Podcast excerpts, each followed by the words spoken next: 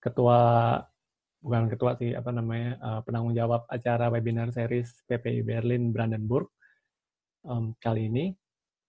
Dan sebenarnya kita ngadain webinar ini setiap bulan. Tujuan dari kita buat ini untuk sharing ke teman-teman. Nggak cuma yang di Jerman, tapi juga teman-teman yang ada di dunia lain um, buat sharing pengalaman dari teman-teman alumni atau uh, kakak-kakak yang udah kerja di sini di Jerman, terutama Berlin. Jadi kita pengen sharing uh, knowledge yang mereka punya supaya kita juga tahu dan persiapan buat ke depannya.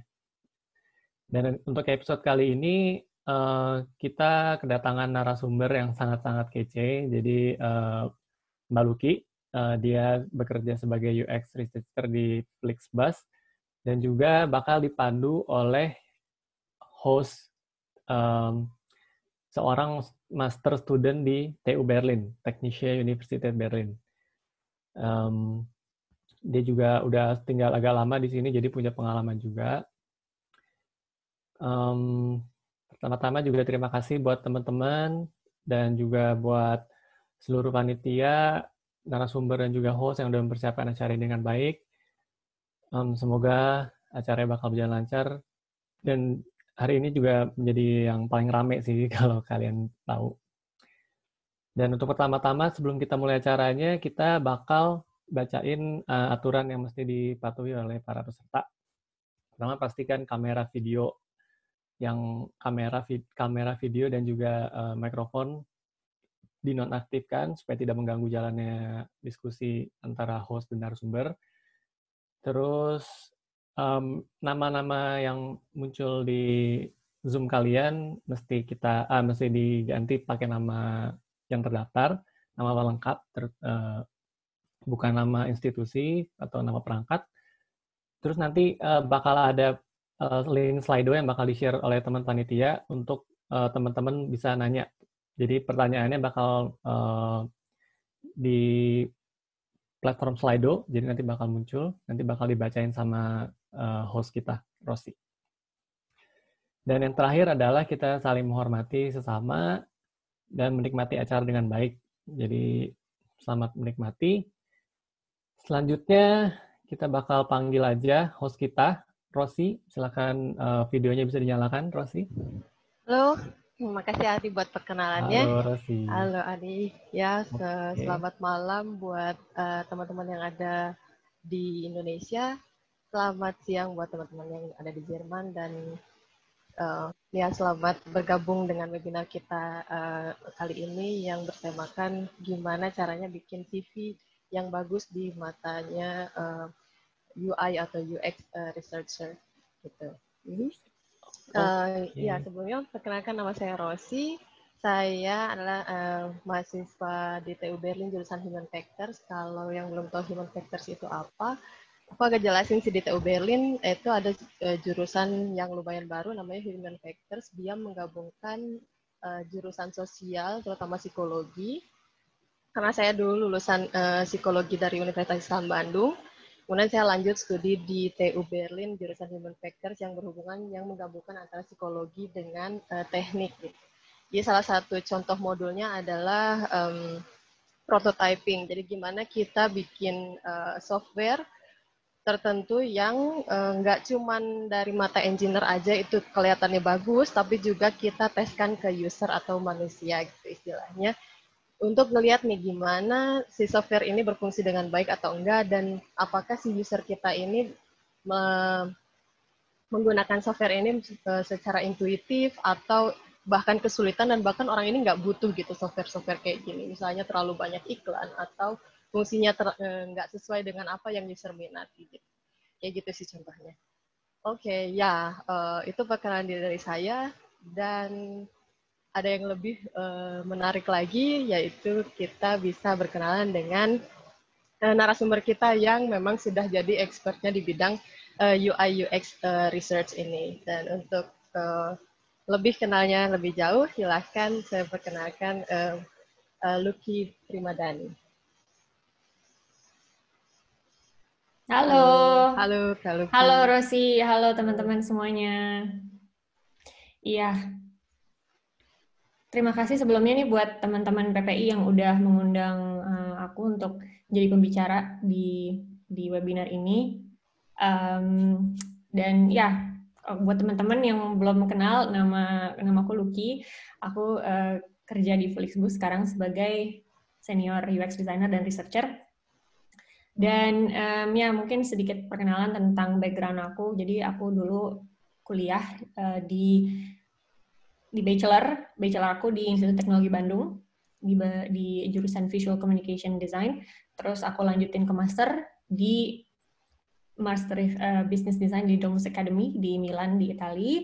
Kemudian aku pindah ke Berlin tahun 2014 untuk kerja sebagai eh, UI UX designer di situ dan sampai akhirnya sekarang aku menjadi seorang senior UX designer dan researcher di Flixbus.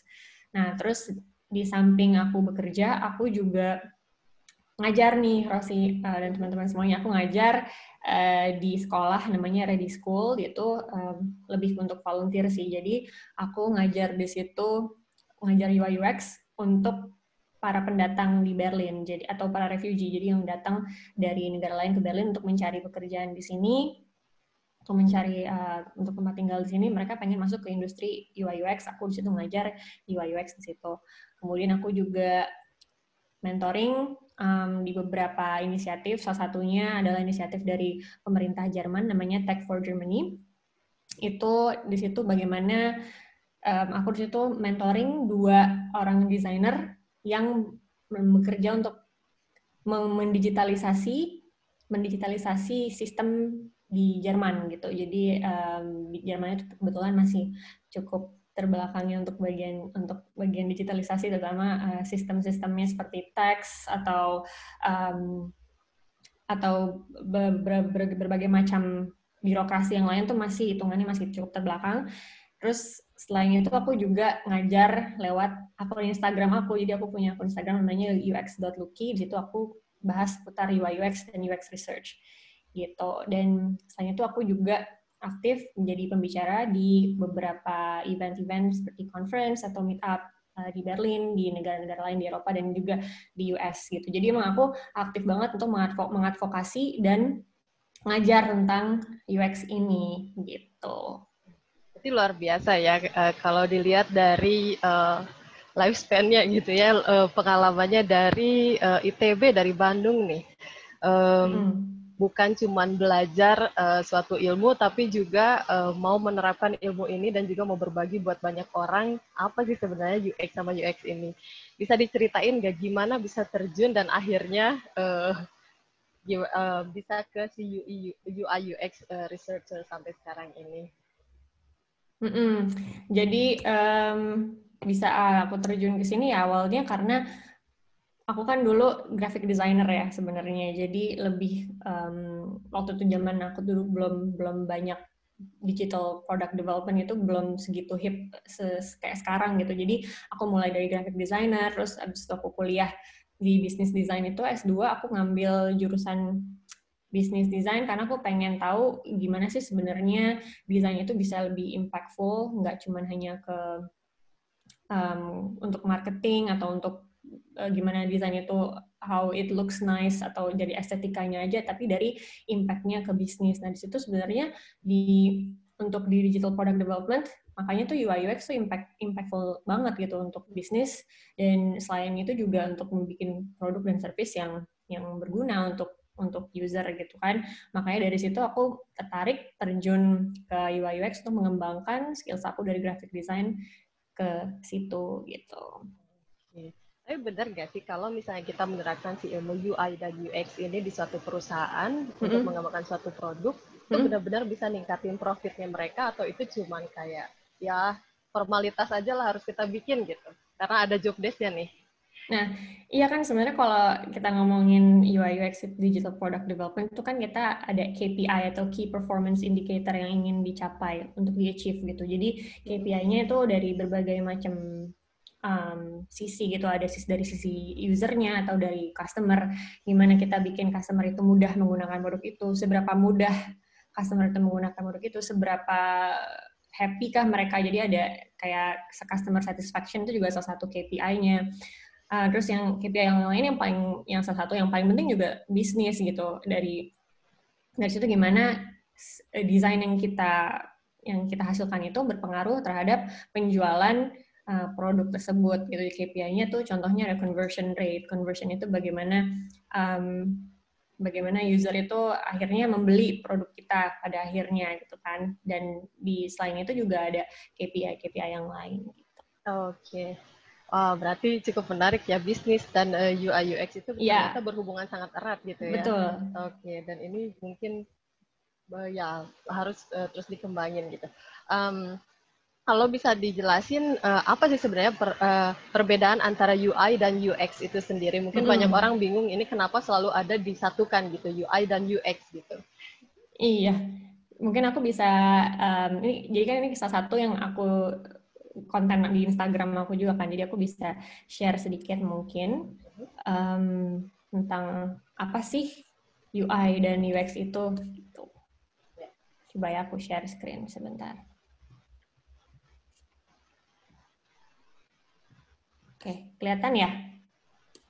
Uh, iya, boleh dibesarin. Sudah kelihatan? uh, agak terlalu kecil sih tapi kalau itu eh, emang nggak bisa dibesarin ya ini aku udah maksimal nih. Oh oke okay, oke okay. berarti cukup. Uh, Kelihatan kan ada ya. gambar kue dengan tulisan apa bedanya? Fokusnya berarti yang ke kiri ya, ke yang besar gambarnya. Iya, yang ini. Oke okay, oke okay, oke. Okay. Berarti yang ya. uh, buat uh, teman-teman kalau misalnya mau fokus ke gambarnya, eh kalau mau lihat uh, apa uh, monitornya silahkan yang sebelah kiri ya. Ya, jadi kan apa bedanya UI dan UX itu kan? Jadi kalau misalnya mungkin um, banyak yang mungkin persepsinya masih salah gitu apa sih uh, UX itu sendiri. Nah ini aku salah satu konten aku aku menjelaskan di sini uh, dengan menganalogikan tentang orang yang ceritanya lapar nih dia pengen makan kue gitu. Jadi kita selalu mulai dengan problem. Kalau misalnya kita ngomongin apa sih itu UX itu selalu mulai dengan problem. Jadi problemnya itu ceritanya tentang si Budi nih. Budi ini dia lapar, dia pengen makan gue di cafe gitu. Nah, jadi yang dimaksud dengan user experience itu adalah ini. Jadi pengalaman Budi mulai dari dia cari kafenya, dia masuk ke kafe, misalnya kafenya itu dari luar ada ada sign-nya gitu. Oh, ini kafe untuk makan kue misalnya, bakery atau apa gitu kan. Itu jelas dari situ. Dari awal um, dia masuk ke kafe suasana nyaman. Terus dia di ada pelayannya ramah di disapa dengan ramah. Terus udah gitu saat dia duduk dia nyari menu um, kuenya. Menunya juga mudah dimengerti. Terus dia bisa milih kue mana gitu yang dia mau. Terus pas dia makan pun kuenya enak gitu setelah dia makan kuenya enak terus dia bayar dia kasih review yang baik gitu dari seluruh pengalamannya keseluruhan pengalaman pengalaman Budi ini makan kue. Nah ini yang namanya user experience gitu. Jadi um, banyak teman-teman mungkin yang kalau yang aku perhatiin ya masih yang ngeliat user experience itu dari fitur aja gitu. Dari bener-bener dari um, touch point tertentu aja. Padahal sebenarnya user experience itu mencakup semuanya. Dan yang dimaksud dengan um, ya jadi user experience fokus pada hal-hal yang mempengaruhi perjalanan user atau customers untuk solve problem mereka. Jadi user itu kan ada goal. Goal mereka kalau goalnya Buni ini dia pengen pengen kenyang dia pengen makan kue pengen enak gitu makan kuenya. Ya kan? Nah dari sini itu user experience itu membantu uh, uh, Budi untuk mendapat pengalaman yang yang memuaskan tadi. Nah, kalau misalnya kita ngomongin UI, UI itu fokus pada tampilan, lebih ke kayak yang mendukung UX-nya ini supaya dia delightful, dia useful, dia meaningful gitu. Jadi dari hal-hal yang kayak interior, terus presentasi kuenya itu dihias, terus alat-alat makan, nah itu adalah UI-nya. Gitu. Jadi UI ini bagian dari UX, tapi mereka harus ada sinerginya supaya kita bisa memberikan solusi uh, yang tepat guna supaya user atau customer itu menggunakan produk dengan um, intuitif, dengan mudah, seamless experience gitu. Itu tugasnya seorang UI UX designer gitu. Nah, kalau boleh tahu nih, uh, karena tadi dibilang kalau misalnya UI itu tidak terlepas dari UX, kan berarti kita uh. bukan cuman punya masalahnya aja sebagai pribadi, tapi juga harus tahu gimana caranya untuk uh, memecahkan masalah itu sendiri gitu, problem solving. Ya, betul. Nah, kebetulan karena tema kita hari ini adalah uh, gimana caranya bikin CV yang bagus, berarti itu salah satu uh, eh, UX problem ya kan? Betul. Nah, berarti kita harus coba uh, dengan si UX research ini untuk memecahkan masalah ini nih. Nah, gimana yeah. nih caranya biar si UI-nya ini pun bisa kita tampilkan di dalam CV kita gitu. Nah, mm -hmm. mungkin sebelumnya saya nanya dulu uh, secara general, kalau misalnya job desk-nya UI sama UX researcher itu sebenarnya apa sih gitu? Selain mm. uh, memecahkan masalah itu tadi gitu, atau uh, job desk di sampingannya pun apa gitu. Hmm, kalau job job desk aku berarti ya Rosi ya sebagai UX researcher ya. Ya, job desk aku sebagai UX researcher itu hmm, di saat tim produk mau membuat fitur atau membuat produk, mereka uh, kan punya asumsi-asumsi nih. Jadi saat membuat roadmap, oh kita bikin ini, bikin fitur ini, bikin fitur itu. Tapi itu asumsi aja kan.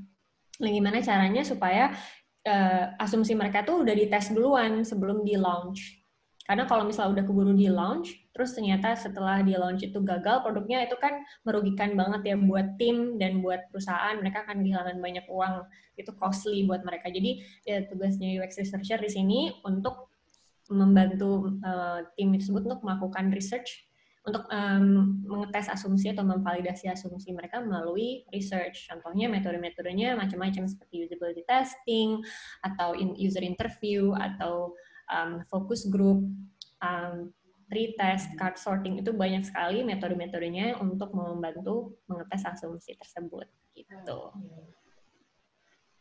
Berarti menarik ya, itu tadi job desk-nya dari UX research. Itu job desk-nya.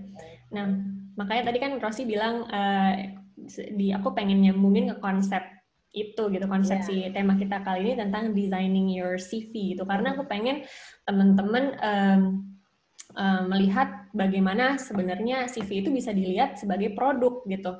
CV itu produk kalian dan user user kalian itu adalah recruiter gitu. Jadi karena aku juga tadi satu poin yang aku lupa bilang kalau aku juga in, uh, involved dalam proses recruiting.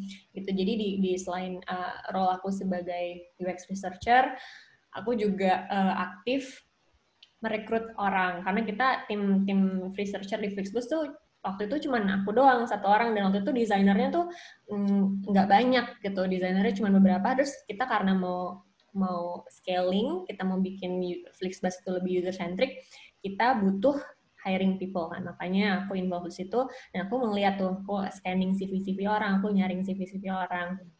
Dan satu lagi dari pengalaman aku ngajar ya, sebagai um, ngajar terutama di di akun Instagram aku ini aku ngelihat teman-teman tuh banyak yang antusias di UX terus pengen mulai berkarir di UX pengen terjun ke UX gitu. Terus makanya mereka uh, pengen apply kan apply kerja mereka nyiapin portfolio terus nyiapin CV itu uh, gimana caranya gitu masukin CV kalau misalnya nggak punya pengalaman gitu kan? Nah mungkin Rosi kan juga kemarin sempat cerita kan kalau Rosi itu sekarang um, role-nya itu terapis kan gimana uh, sebagai terapis pengen jadi UX researcher gitu dengan background psikologi gitu kan. Itu itu menarik banget makanya aku pengen bisa ngebantu teman-teman untuk bikin CV yang yang tepat guna yang stand out supaya kalian bisa lebih dekat me, apa ya um, memudahkan kalian lah untuk bikin CV yang yang baik gitu supaya bisa um, dilirik sama perusahaan gitu. Benar. Oke, makasih buat penjelasannya. Ya. Uh, sebelumnya nih buat teman-teman ada nggak sampai sini yang mau ditanyain sebelum kita masuk ke pertanyaan selanjutnya? Kalau misalnya ada yang mau ditanyakan, silahkan gunakan uh, Slido kita ya. Uh, Slido-nya sudah di-share sama tim kita di chat. Kalian tinggal klik aja. Kalau misalnya ada yang mau ditanyakan, silahkan. Kita tunggu dulu sebentar.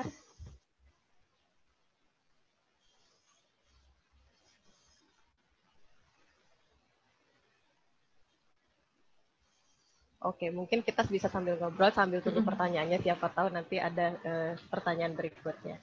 Ya, kalau tadi dibilang, oh berarti memang um, CCV ini tuh sebagai uh, produknya kita gitu. Kita yang ngembangin si produk ini biar uh, dan goalnya kita adalah menarik para si rekruter-rekruter ini gitu untuk memenuhi kebutuhannya mereka uh, sebagai user. Berarti usernya di sini adalah uh, rekruter ya. Betul. Oke. Okay. Nah, iya faktor hmm. penting apa sih sebenarnya yang perlu kita perhatikan atau yang perlu memang kita terapkan untuk menarik uh, perhatian recruiter ini gitu? Karena salah satunya ada pertanyaan dari Instagramnya di uh, Lucky, ada yang nanya gitu, sebenarnya penting nggak sih uh, kayak misalnya kita um, masukin data-data diri kayak misalnya uh, agama dan sebagainya, apakah itu penting untuk dimasukkan dan faktor apa sih yang perlu kita perhatikan gitu? Oke. Okay Sebentar, aku share screen, sorry. Ini. Oke, okay. jadi oke okay, yang, penting apa gitu kan? Jadi kalau misalnya kita mau mulai bikin CV, sebenarnya um, kita harus fokus yang namanya cara kita self advocate atau banyak kita menjual um, apa yang kita punya gitu ke uh, industri, ke job industri kan. Terus kita gimana cara stand out? Ini penting banget. Karena sebagian besar mungkin dari kita, oh kayaknya gue tahu deh skill gue apa kayaknya gue tahu deh gue pengennya apa kayaknya gue tahu gue bisa ngasih value apa tapi itu nggak dengan mudah bisa diartikulasikan gitu jadi um, sangat penting pertama-tama kita tuh untuk uh, mengenal diri kita sendiri mengenal apa aja ke eh, kelebihan kita skills kita apa aja yang kita punya. Terus kita punya um, dari skill itu kita bisa ngasih value apa sih ke perusahaan tersebut, apakah kita bisa fit ke job description atau um, yang dibutuhkan oleh perusahaan tersebut. Karena gini Rosi, kebanyakan tuh kayak aku ngelihatnya kita bikin CV general aja, uh, terus kita um, kirim-kirim CV-nya gitu ke perusahaan-perusahaan. Tapi kita nggak nggak benar-benar mempelajari job description-nya. Jadi itu sangat general jadinya. Oh. Itu mungkin yang bikin kita tuh jadi kurang stand out gitu buat buat recruiter. Terus kita mesti kan kalau misalnya kita bikin produk, kita harus um, tailor the needs gitu, tailor our product berdasarkan needs-nya user kan. Ya. Gimana bisa produk itu sukses gitu. Jadi sama aja kayak CV. Jadi kita harus um, menyesuaikan menyesuaikan apa uh, skills kita itu ke yang dibutuhkan oleh hiring manager atau recruiter ini gitu dengan mempelajari job description-nya terus kita dari dari traits dan yang uh, profil dan skills yang kita punya itu kita cocokin apakah kita fit atau enggak nih gitu. Nah, terus yang terakhir yang penting banget karena kadang misalnya kita uh, terlalu bersemangat ya kita pengen masukin kita pengen masukin semuanya di situ. Oh, gue udah ngelakuin ini, project gue ini, itu segala macam pengen masukin semua. Nah, itu jangan kayak gitu gitu karena justru malah jadi too much. Jadi um, keep it simple and smart gitu kita pengen kelihatan profesional kan tentunya sebagai seorang profesional dan kita cukup fokus untuk membuat sesuatu yang yang tadi aku bilang disortir lagi projectnya uh, kemudian dipilih dan dibikin highlight gitu di situ jadi nggak perlu semua jadi masukin just keep it simple and smart dengan layout juga yang yang yang mudah dibaca, yang mudah uh, dimengerti gitu. Nanti kita akan ngebahas juga sih soal desain, gimana sih CV itu didesain supaya mudah dibaca gitu. Oke. Okay. Berarti ada tiga poin yang perlu diperhatiin ya sama teman-teman semua yang lagi ikutan mm -hmm. ini. Yang pertama yeah. kita harus bisa ngejual diri kita gitu, tapi juga kita kenal diri kita apa adanya dan gambarin juga sedetil mungkin dan disesuaikan sama kebutuhannya perusahaan gitu. Ya. Bukan yeah. cuma kita ngegambarin kita siapa, tapi nggak yeah. matching nih sama perusahaan. Mm -hmm. Gimana caranya bikin itu jadi menarik. Terus yeah. yang paling penting di sini kayaknya keep ini ya, keep it simple and iya. smart gitu. Jadi yeah. gimana kita juga mempresentasikan diri kita nggak terlalu berlebihan dan juga nggak mm. terlalu sedikit gitu, tapi pas porsinya gitu. Okay. Yeah. Iya, terus mungkin aku juga ini kali ya Rosi ngenalin sebentar kayak mungkin teman-teman kan sekarang kayak aku bilang know yourself itu tuh penting untuk mengetahui kita di fase hidup yang seperti apa sekarang dalam uh, dalam professional experience kita gitu. Jadi um, ya ini, jadi kita bisa lihat di sini ada empat persona yang udah aku bikin nih. Jadi um, coba kalian teman-teman bisa lihat dan kira-kira gue termasuk yang mana ya gitu. Jadi yang pertama itu experience professional. Jadi teman-teman yang udah terjun ke dunia profesional, mungkin udah pengalaman lebih dari dua tahun misalnya. Kemudian nah teman-teman yang baru lulus kuliah gitu, terus pengen apply sebagai junior position misalnya. Terus ada juga teman-teman yang mungkin yang kebanyakan dari uh, eh, PPI ini yang masih kuliah, terus pengen um, melamar pekerjaan sebagai intern atau uh, atau pengen magang gitu di sebuah perusahaan. Terus yang terakhir yang pengen berubah haluan. Jadi yang udah punya, yang udah ada karir tertentu, misalnya temen aku ada yang diplomat gitu, dia pengen jadi front end developer. Itu kan benar-benar jomplang banget gitu. Gimana caranya sih bisa melamar pekerjaan dengan career change ini dan kayak Rosi juga sempat cerita kayak yang tadi aku bilang juga dari terapis pengen jadi masuk ke UX research itu gimana gitu career change-nya. Nah mungkin teman-teman bisa pilih oh gue yang ini nih, oh gue yang ini gitu. Jadi itu itu penting nanti buat uh, nanti nextnya aku akan jelasin gimana cara kita bisa self advocate berdasarkan persona-persona ini gitu. Jadi setiap orang punya cara jualnya sendiri ya, istilahnya segmennya yeah. ada empat gini. Oke. Okay. Yeah. Oke, dan ini penting buat kita uh, perhatiin ya berikutnya. Oke. Okay. Kalau misalnya kita uh, nanya lebih lanjut, kita mau nulis uh, di dalam CV kita tuh banyak banget feature mm. yang ada di kepala gitu. Oke, okay, aku punya skill bla bla bla, aku punya hobi bla bla bla dan experience. Bla itu feature hmm. apa aja sih sebenarnya yang penting untuk dimasukin dan juga uh, apa yang perlu diperhatiin buat masukin fitur-fitur ini? Iya, fitur-fiturnya. Kita kan ngomongin produk ya, CV yeah. itu produk, kita fiturnya ada apa aja. Jadi yang paling pertama, yang paling penting adalah nama ya, penting. itu tulis eh, nama kita, kemudian title kita apa. Jadi um, what do you want to call yourself gitu. Kayak misalnya aku sekarang kan uh, designer dan researcher gitu kan. Misalnya kolorasi misalnya apa? Psychologist misalnya atau terapis atau how do you wanna call yourself? It's um, gimana uh, kita melihat diri kita sebagai apa gitu. Nah kemudian ada kontak info. Itu penting untuk nanti kita dihubungi oleh recruiter uh, email terus nomor telepon LinkedIn terus eh ya penting ya teman-teman buat punya LinkedIn karena itu bisa memudahkan kalian untuk bisa connect dengan para profesional, bisa networking juga. Terus um, website juga misalnya kalian ada website itu juga penting gitu. Kemudian selain uh, setelah kontak info, kita ada yang namanya resume summary gitu. Ini ini yang penting banget nih nanti aku bakal bakal jelasin sesuai dengan persona-persona itu gimana cara kita meng mengartikulasikan kita mendeskripsikan kita ya kita kayak cerita aja sih um, kita tuh siapa, terus traits kita apa aja, skills kita apa, apa yang bisa kita um, value, apa yang bisa kita bawa ke perusahaan ini gitu. Terus yang ada juga um, work experience buat, buat yang udah punya work experience itu ditulisin di situ. Kalau yang belum punya education atau skills gitu. Nah, um, skills itu juga penting harus ada di situ. Kemudian additional sections itu seperti kayak volunteer experience, organizational experience, hobby, interest, um, certification, achievement itu itu juga perlu dicantumkan gitu. Oke, jadi kalau dari tujuh poin ini itu hmm. semuanya sebenarnya udah uh, tersusun uh, secara rapi atau memang ada prioritasnya lagi nih? Mm -hmm. uh, mana yang harus ditulis duluan atau mana yang paling atas yeah. atau mana yang paling bawah gitu. Ya. Yeah. Oke. Okay. Itu udah udah sesuai dengan kronologi gitu. Nanti aku coba um, share deh dari kronologinya seperti apa. Ini aku share aja kali ya sekarang ya. Atau Boleh? masih ada pertanyaan? Oke. Okay. Boleh. Aku share screen lagi. Oke. Okay. Nah, ini tadi ini sesuai dengan kronologinya yang tadi aku bilang ada nama, mm-hmm. terus ada title-nya kan, terus ada resume-nya, um, dependable master electrician with 10 years experience.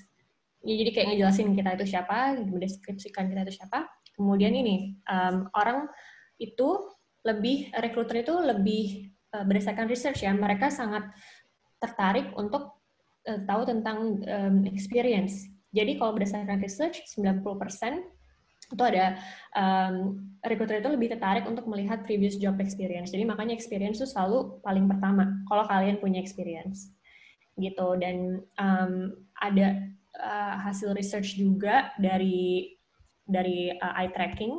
Bentar. Nih dari eye tracking ini kalau misalnya recruiter itu dia dia scan-nya buat uh, job title. Jadi kayak tadi aku bilang job title itu sangat menurut mereka sangat uh, penting gitu Jadi di studi ini tuh ada empat uh, resume gitu ya yang diisi uh, eye tracking ini. Karena aku juga pernah belajar eye tracking. Iya. Yeah. Dan uh, kalau lihat dari si fiksasinya itu yang di bagian paling atas yang paling bold mm-hmm. itu berarti ya uh, yang paling menarik buat si yeah. recruiter gitu. Yang betul. ini yang merah-merah, yang merah-merah ini betul sekali. Oke. Okay. Ya, ya. Oke. Okay. Berarti ini semuanya dilihat pasti yang paling pertama dan yang paling lama dilihat gitu ya. Iya, betul. Oh, gitu. Jadi mesti di bold, mesti di highlight di situ. Gitu. Yeah. Terus tadi kita uh, sampai di mana ya Rosi di, di ini ya di fitur-fiturnya gimana memprioritas, memprioritaskan. Betul, betul. Mungkin kita langsung masuk aja ke persona-personanya kali ya. Boleh, boleh. Kayak uh, gimana sih caranya orang yang belum ada pengalaman Uh, itu menuliskan, mendeskripsikan dirinya. Karena uh, aku ngelihat banyak sih yang nanya itu. Oke, kita lihat sini aja ya, langsung. Nah, kalau buat teman-teman yang belum punya pengalaman, um, jadi ini kalau yang sebelah kiri ini, ini contoh untuk orang yang udah punya pengalaman ya, minimal 2, 2 tahun di dunia kerja. Jadi ada beberapa poin penting yang harus ada di sini. Kalau untuk orang yang udah punya pengalaman, itu strong trait-nya, ke kekuatan strength-nya dia apa. Soal ini. Oh, kan Kalina nah.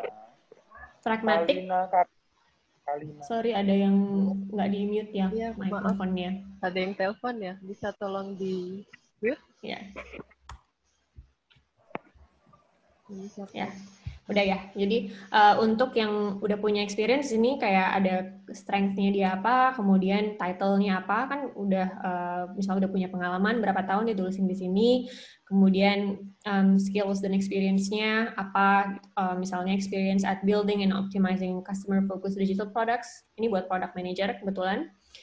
Terus di sini penting untuk memberikan kayak outcome um, outcome yang udah dia achieve apa selama dia jadi product manager jadi ada yang di, bisa di, diukur gitu, bisa di quantify.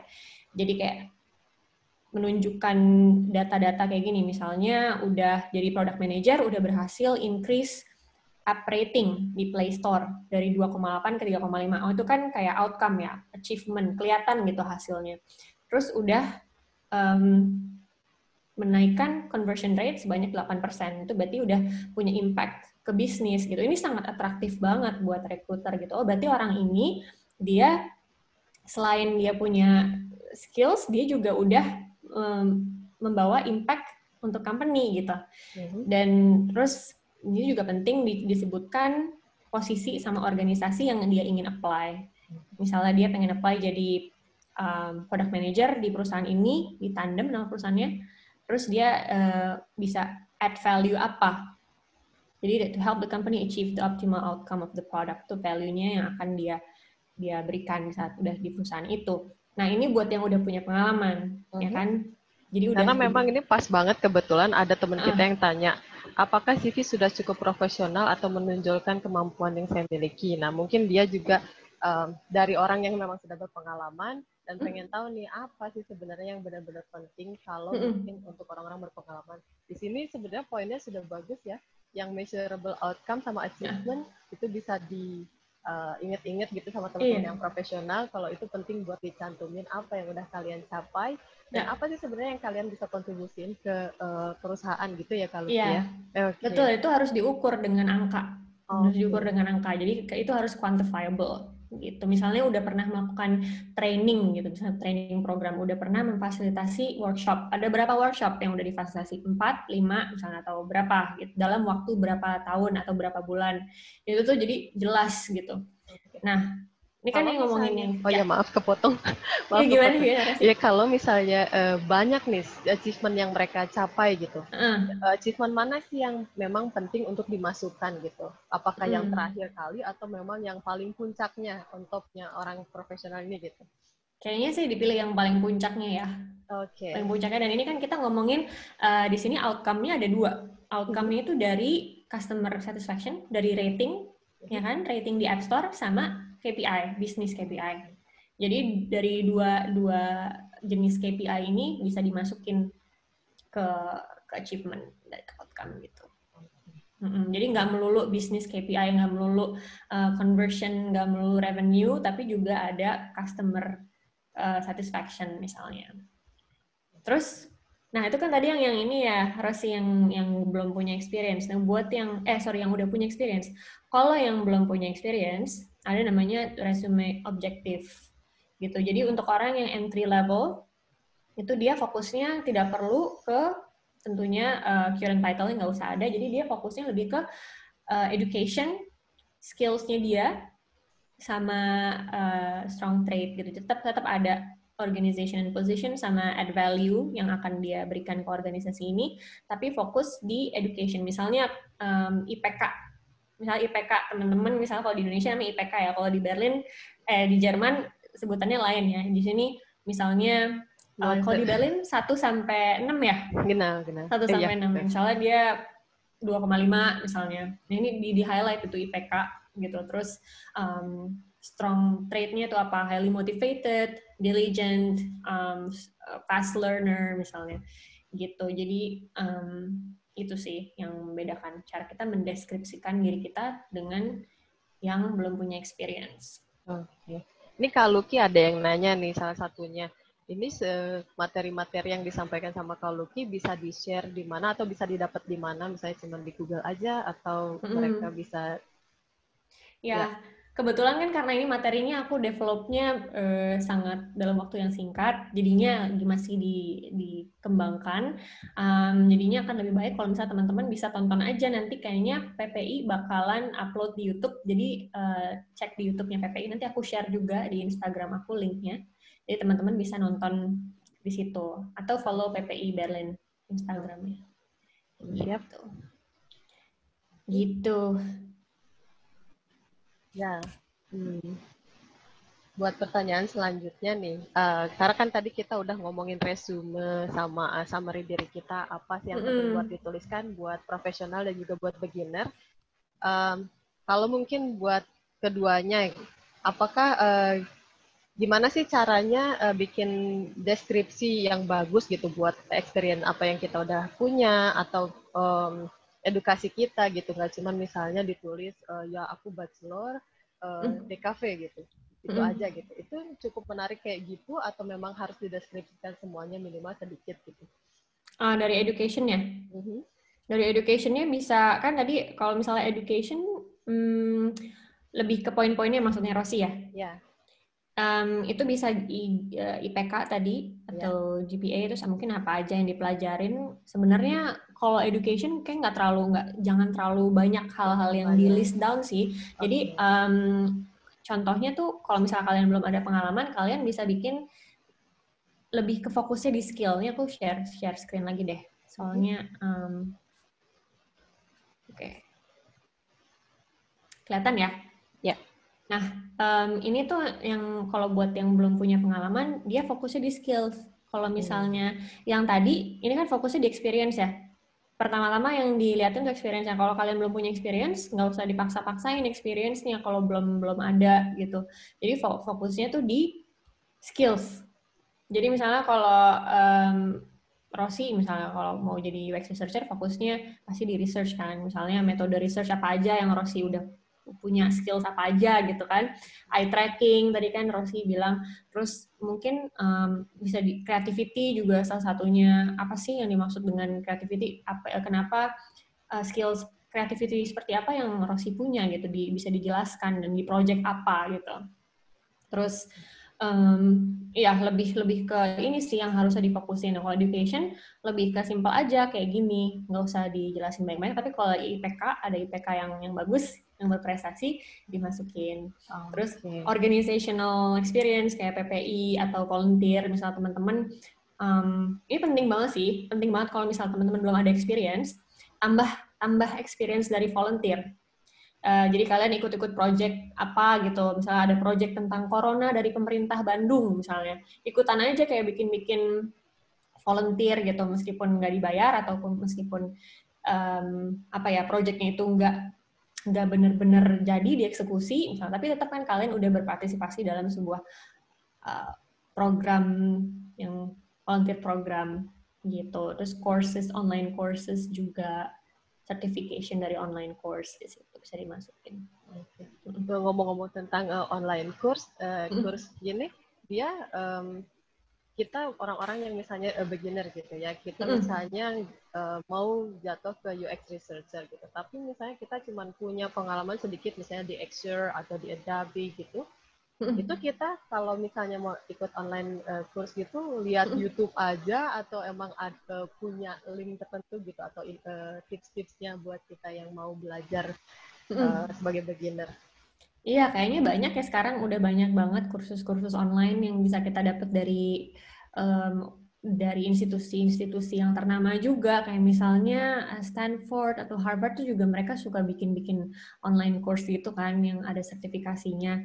Terus tergantung dari kalian apa yang mau kalian pelajari sih. Misalnya kalau aku ngomongin UI UX ya karena aku berkecimpung di bidang ini tuh banyak sekali kursus-kursus online um, kalau misalnya di Indonesia ada skill academy atau uh, atau banyak banyak banget bootcamp bootcamp yang udah diadain sama komunitas-komunitas di Indonesia untuk UI UX. Tapi kalau misalnya untuk di Jerman mungkin ada um, semacam bisa Udemy online course atau Coursera atau uh, Career Foundry itu. Jadi kalian bisa masih research sendiri dan itu biasanya mereka ada program sertifikasinya. Um, gitu kalau misalnya yang lain mungkin bisa ikutan bootcamp juga untuk um, software development atau aku kurang paham juga sih sebenarnya kalau yang di luar tech jadi um, ya aku nggak bisa kasih banyak informasi kalau di luar tech gitu. Mm -mm. Oke, okay. makasih buat uh, tipsnya. Um, karena kita kan ini banyak banget peserta dari bukan cuma di Jerman tapi juga di Indonesia atau mungkin juga di daerah bagian lainnya. Mm -hmm. uh, sebenarnya uh, penting nggak sih gimana sih caranya kita bikin CV yang bagus pakai bahasa apa misalnya hmm. mereka uh, apakah itu kalau di Jerman harus pakai bahasa Inggris juga atau juga hmm. harus pakai hmm. bahasa Jerman dan yang di Indonesia mendingan Indonesia atau Inggris ya. sih gitu iya kalau misalnya kalau di Jerman kayaknya sih kalau tergantung tergantung dengan ininya ya tergantung dengan job description-nya dalam bahasa Jerman atau bahasa Inggris. Kalau misalnya dalam bahasa Jerman, tentunya di apply-nya pakai bahasa Jerman. Jadi kita mesti nyiapin dua CV gitu, yang satu pakai bahasa Inggris, atau pakai bahasa Jerman. Kayak kalau pakai bahasa Inggris ya apply-nya pakai bahasa Inggris gitu. Kalau misalnya di Indonesia, um, kalau aku lihat ya karena banyak job description yang ada itu dalam bahasa Inggris. Jadi mau nggak mau kita harus nulisnya pakai bahasa Inggris juga gitu. Karena biar juga harus menyesuaikan hmm, ya. Biar lebih profesional kayaknya. Oke. Okay. Iya. Uh, iya. Tadi dari segi bahasa, kalau misalnya kita ngomongin tentang uh, tampilan CV sendiri nih, uh, karena aku juga belajar ergonomi, gimana sih uh, pengaruh dari warna yang kita tampilkan, mau itu di ruangan ataupun pakaian yang kita pakai, bisa mempengaruhi uh, mental seseorang gitu, atau bisa mempengaruhi daya tarik seseorang gitu, buat masuk ke ruangan itu atau mm -hmm. buat uh, baca uh, sesuatu gitu. Ada nggak sih uh, tips uh, pakai desain warna apa yang paling menarik buat recruiter buat dapetin mm. uh, pekerjaan tersebut. Oke, okay, aku bisa share screen lagi. Jadi intinya sih ya, kan tadi aku bilang keep it simple and smart. Jadi um, caranya biar simple itu, itu informasi kan harus mudah dibaca, harus mudah dimengerti. Ya. Caranya adalah kita harus memilih warna-warna yang kontras, warna-warna yang kontras dan simple gitu. Jadi um, aku sih encourage buat pilih warna putih untuk dasarnya.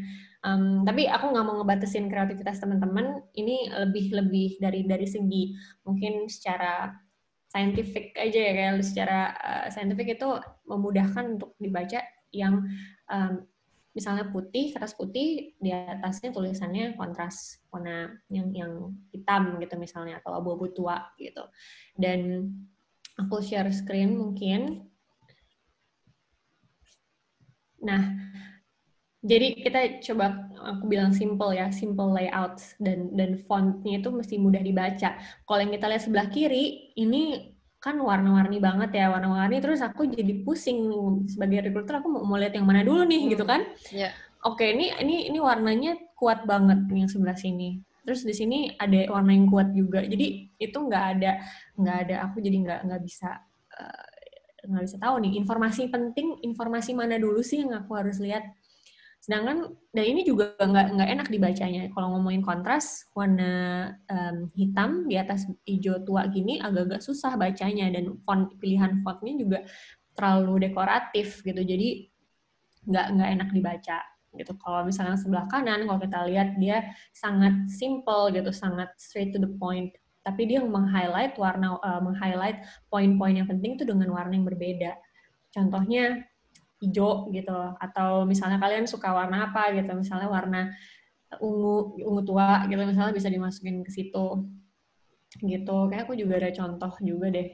Nah kayak gini misalnya, ini aku bikin uh, buat webinar ini aku siapin aku cuma bikin di eh, PowerPoint eh di Google Slides aja gitu.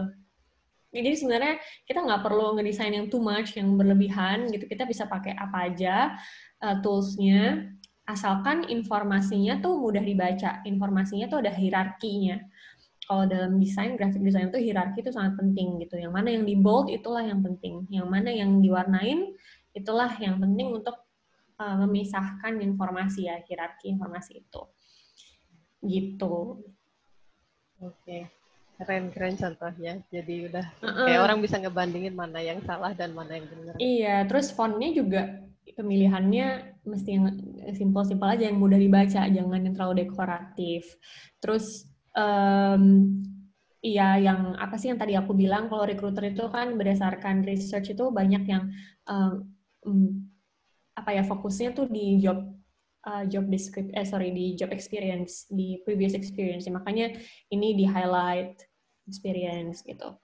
Terus jangan panjang-panjang, jangan panjang-panjang kalau kalau nulis uh, deskripsi dari uh, job uh, pekerjaannya previous experience nggak usah sepanjang ini itu nggak akan dibaca gitu karena recruiter itu punya seven second rule bukan seven second rule like kayak behavior mereka tuh kalau melihat CV itu cuma di skimming aja di skimming jadi nggak punya banyak waktu untuk ngebaca semuanya. Mm-hmm. gitu. Jadi yang di highlight yang penting-penting aja kayak gini. Gitu. Ini kalau lihat dari contoh-contohnya uh, kalau ini ada uh, kebanyakan yang ditampilkan adalah one page uh, CV one ya. page. Okay itu sebenarnya lebih efektif mana sih kalau kita mm-hmm. apply dari one spec CV dibandingin mm-hmm. sama CV yang konvensional gitu, yang banyak banget, mm-hmm. yang sampai bahkan kita tulis kita dulu SMA di mana atau kita yeah. juga pengalaman yang udah 50 tahun sebelumnya. iya. Uh, kalau aku sih lebih lebih uh, prefer one page CV, tapi kalau memang kalian banyak prestasinya yang itu semuanya itu kayak penting buat kalian dipilih lagi-lagi misalnya prestasinya segudang gitu ya, pilih beberapa aja, tapi kalau misalnya mau sampai dua page itu kayaknya maksimal deh. Karena sebenarnya um, tergantung recruiter itu akan tertarik kalau misalnya orang ini dari awal aja udah segini banyak experience-nya dan menarik semua. Kalau misalnya next page-nya uh, juga menarik gitu, mereka akan akan tetap mau baca sih gitu. Gitu. Jadi um, it's it's not like a big deal sebenarnya kalau dua page kalau menurut aku ya. Kalau emang banyak experience-nya. Kalau misalnya nggak um, banyak masukin satu page aja. Berarti si uh, moto KISS itu emang penting diterapin terus ya? Yes. keep it simple, keep it simple and smart. Oke. Okay. oke okay, makasih uh, buat uh, semua. Oh ya, masih ada pertanyaan satu mungkin ya. Buat orang-orang yang uh, engineer atau designer nih yang sekarang lagi uh, uh, lagi nonton uh, webinar ini pada nanya nih, buat portofolio kok aku berantakan banget ya nulisnya gitu. Gimana sih caranya bikin portofolio yang bagus dan juga uh, simple gitu? Oke, okay. itu ada topik yang lain yang aku aku juga udah pernah bikin webinar tentang portfolio. Aku kan bikin formula. Di situ aku bikin formula, nama formulanya adalah SKSD namanya. Eh, itu solving problem, keep it simple, storytelling sama deliverables. Jadi um, solving problem, keep it simple, storytelling dan deliverables. Itu bisa dilihat juga uh, aku di YouTube ada um, di YouTube-nya Mayantara nanti aku kasih linknya. Aku pernah jadi diundang jadi pembicara di event Mayantara itu yang dibikin sama uh, asosiasi desainer produk di Indonesia. Uh-huh. Aku di situ sharing di situ pertama kalinya uh, yang penting sekali kita di saat membuat portfolio itu harus menunjukkan bahwa kita tuh solving problem bukan cuma nunjukin yang cantik-cantiknya aja gitu kalau misalnya kita sebagai kalau aku melihat dari desainer ya itu banyak yang misalnya kayak lebih kayak nunjukin desain galeri gitu, tapi nggak diceritain proses mendesainnya seperti apa. Harus diceritain gitu, oh prosesnya sampai ke solusi ini, prosesnya sampai ke desain ini tuh apa aja sih prosesnya gitu. Itu solving problem. Terus keep it simple, ya tadi aku bilang, memilih memfilter atau menyaring project-project jangan semuanya dimasukin pilih uh, 3 sampai 5 project yang terbaik aja. Terus uh, storytelling. Storytelling ini juga penting karena um, banyak yang kayak mungkin itu kayak lebih kayak cerita gitu. Jadi kalau kita cerita kan kita engage orang ya saat kita orang melihat portfolio kita. Jadi orang tuh lebih lebih bisa relate gitu bisa relate terus jadi stand out juga jadinya uh, dibandingkan dengan uh, portfolio portfolio orang lain gitu. Jadi storytelling itu adalah skill yang yang sangat penting juga.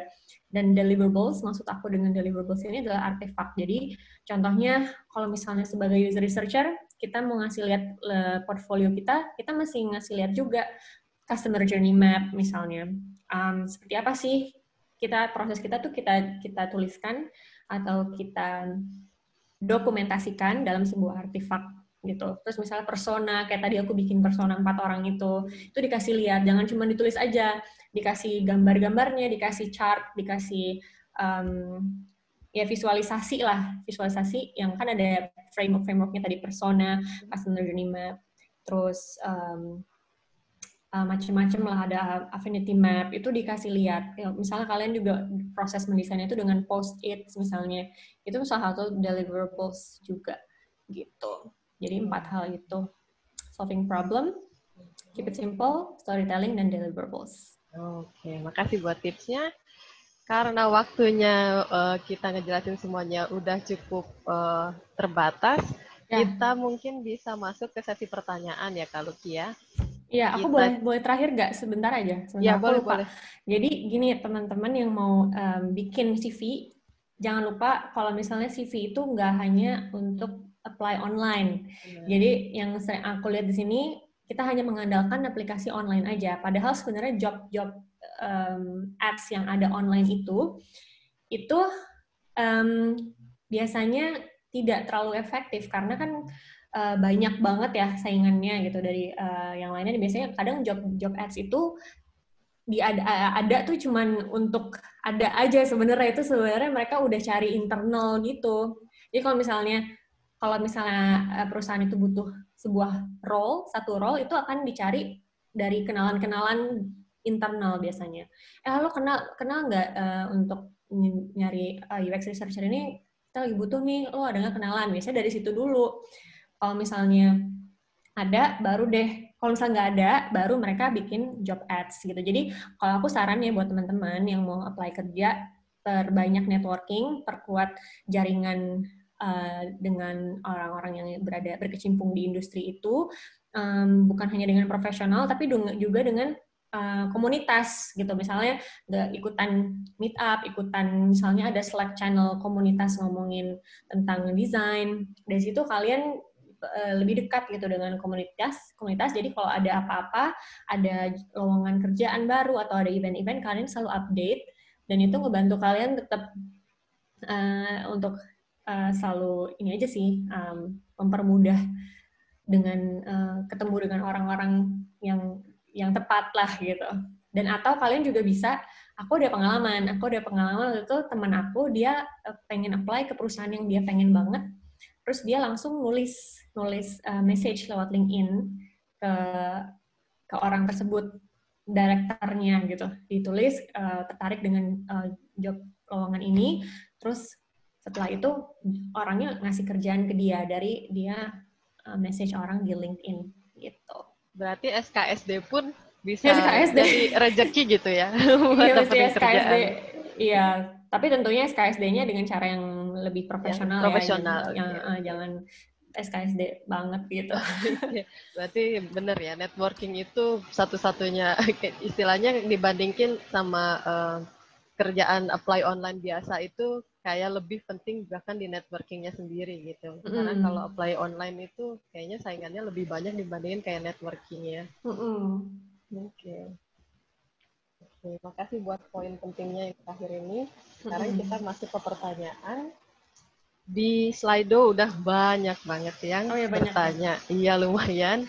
Dan coba kita uh, tanya dari yang paling atas ya. Wah banyak. Banyak banget. Oke, okay, kita coba. Oke. Okay. Uh, ini dari Moon. Halo Kaluki, gimana sih cara kita buat case study untuk portofolio UX yang dilirik oleh recruiter? Itu tadi udah Kaluki jawab ya sebenarnya. Hmm, SKSD itu. Nah, SKSD itu. Aku uh, ada webinar di situ yang ngomongin soal itu. Mungkin teman-teman bisa. Selesai, aku ketinggalan. Jam 9 udah selesai. Aduh, siapa itu yang jam 9 ketinggalan? Uh, boleh di-mute mungkin ya. Uh, ya aku ini mau apa namanya mau sharing mungkin linknya langsung kali ya ke port, uh, portfolio formula ini. Aku share di sini. Jadi teman-teman bisa lihat itu gimana cara bikin portfolio yang stand out gitu ada ada formulanya tadi aku bilang SKSD itu. Okay. Aku udah nge-share linknya ke teman-teman di situ. Jadi bisa dilihat aja. Berarti buat Moon dan teman-teman lainnya yang punya pertanyaan sama silahkan uh, langsung dicek YouTube-nya dan langsung dieksekusi. Oke, okay, ya. kemudian pertanyaan kedua ini dari UI. Kalau untuk uh, desain layout CV, apakah prefer yang compact hitam putih atau warna dan desain layoutnya? Itu tadi juga hmm. sudah dijawab sebenarnya ya. Sudah dijawab. Jadi yang penting kontras ya. Warnanya warnanya itu apa aja. Kalau misalnya kalian suka warna merah, kalian suka warna ungu, warna hijau itu terserah. Yang penting kontras pemilihan warna um, background dengan tulisannya kontras gitu. Ya, terus uh, bagaimana baiknya memasukkan si eh, UX memasukkan UX case tadi dalam sebuah CV ini pertanyaan dari anonimus lebih tepatnya di bagian mananya? Uh, UX case tadi itu portfolio ya bukan CV jatuhnya. Uh, itu lebih kayak kalau CV kan kita mendeskripsikan pengalaman kerja kita kan, project-project kita itu nanti kalau misalnya untuk UX designer tuh beda lagi itu ada portfolio gitu. Jadi CV itu beda sama portfolio. CV itu lebih kayak list pengalaman kita, education yang tadi aku bilang ada beberapa ada beberapa tujuh tujuh hal itu kan ya Rosi. Mm -hmm. Kalau portfolio itu beda lagi biasanya gitu. Jadi jangan disamakan. Tapi lebih kayak mungkin project apa aja sih yang dari pengalaman misalnya udah pernah ngerjain project di perusahaan ini, perusahaan itu ya itu dimasukkan role role di perusahaan itu bukan bukan portfolionya yang dimasukin ke CV. Oke. Okay. Mudah-mudahan terjawab ya, ya. Anonymous ya. Oke. Okay. Uh, ini ada pertanyaan selanjutnya dari Jotaro. Hmm? Jika diminta untuk melampirkan portofolio, lebih baik hmm? kita berikan link portofolio online atau portofolio yang berbentuk PDF. Ya, ini juga sering banget ditanyain. Hmm. Jadi kalau untuk melampirkan portfolio itu kita kan bisa portfolionya itu macam-macam ya. Portfolio itu ada yang uh, bisa dari website, kita bisa bikin di ada platform-platform seperti Behance, kemudian um, bisa di dribble juga itu itu banyak platformnya uh, tapi kalau misalnya portfolio itu kan hanya teaser sebenarnya jadi dia kita nggak usah ngasih banyak terlalu banyak informasi di situ highlight highlight aja tapi tetap uh, menggunakan formula SKSD tadi yang uh, solving problem keep it simple storytelling sama deliverables tetap harus ada tapi nggak usah dijelaskan secara detail. Jadi kalau mau dijelaskan secara detail, baru deh PDF gitu. Nah PDF itu nanti akan biasanya kalian presentasikan, presentasikan di saat kalian udah di interview gitu. Jadi itu PDF itu yang lebih lengkap, versi lebih lengkap dari project-project kalian gitu. Ya, makasih pertanyaannya, eh jawabannya juga. Uh, kita masuk ke pertanyaan berikutnya. Mm-hmm. Uh, ini dari anonimus juga. Hai Kak, gimana kalau pengalaman kerja atau magang kita tuh nggak nyambung sama job yang kita apply? Apakah juga harus dimasukkan, misal dari software engineer ke UI mm-hmm. UX design? Mm-hmm. Sebenarnya ini bisa bisa jadi suatu yang menarik loh, jadi profil kalian yang menarik. Misalnya kalian berangkat dari software engineer ke UI UX, berarti kan kalian ada skill yang bisa di um, bisa dijual di situ. Itu misalnya software engineer lebih ke apa sih? Ke logical thinking, mungkin lebih ke analytical thinking misalnya. dari tetap dimasukin aja um, si magang jadi software engineer itu, tapi di situ mungkin deskripsinya dijelaskan uh, itu lebih um, ke analytical thinkingnya, skillsnya misalnya. Jadi dari situ kalian bisa framing, deskripsikan kalian sebagai UI UX designer, uh, pengen apply sebagai UI UX designer dengan skills analytical thinking gitu. Karena sebagai UI UX designer kita juga butuh yang uh, mempunyai skill analytical thinking itu gitu. Jadi kalau menurut aku dimasukin aja.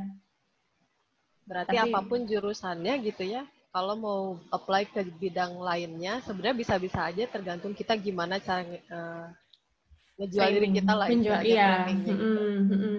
misalnya kalau Rosi dari psikologi kan nah UX researcher gitu kan dari dari psikologi ke UX researcher kan masuknya ke tech ya ke IT gitu.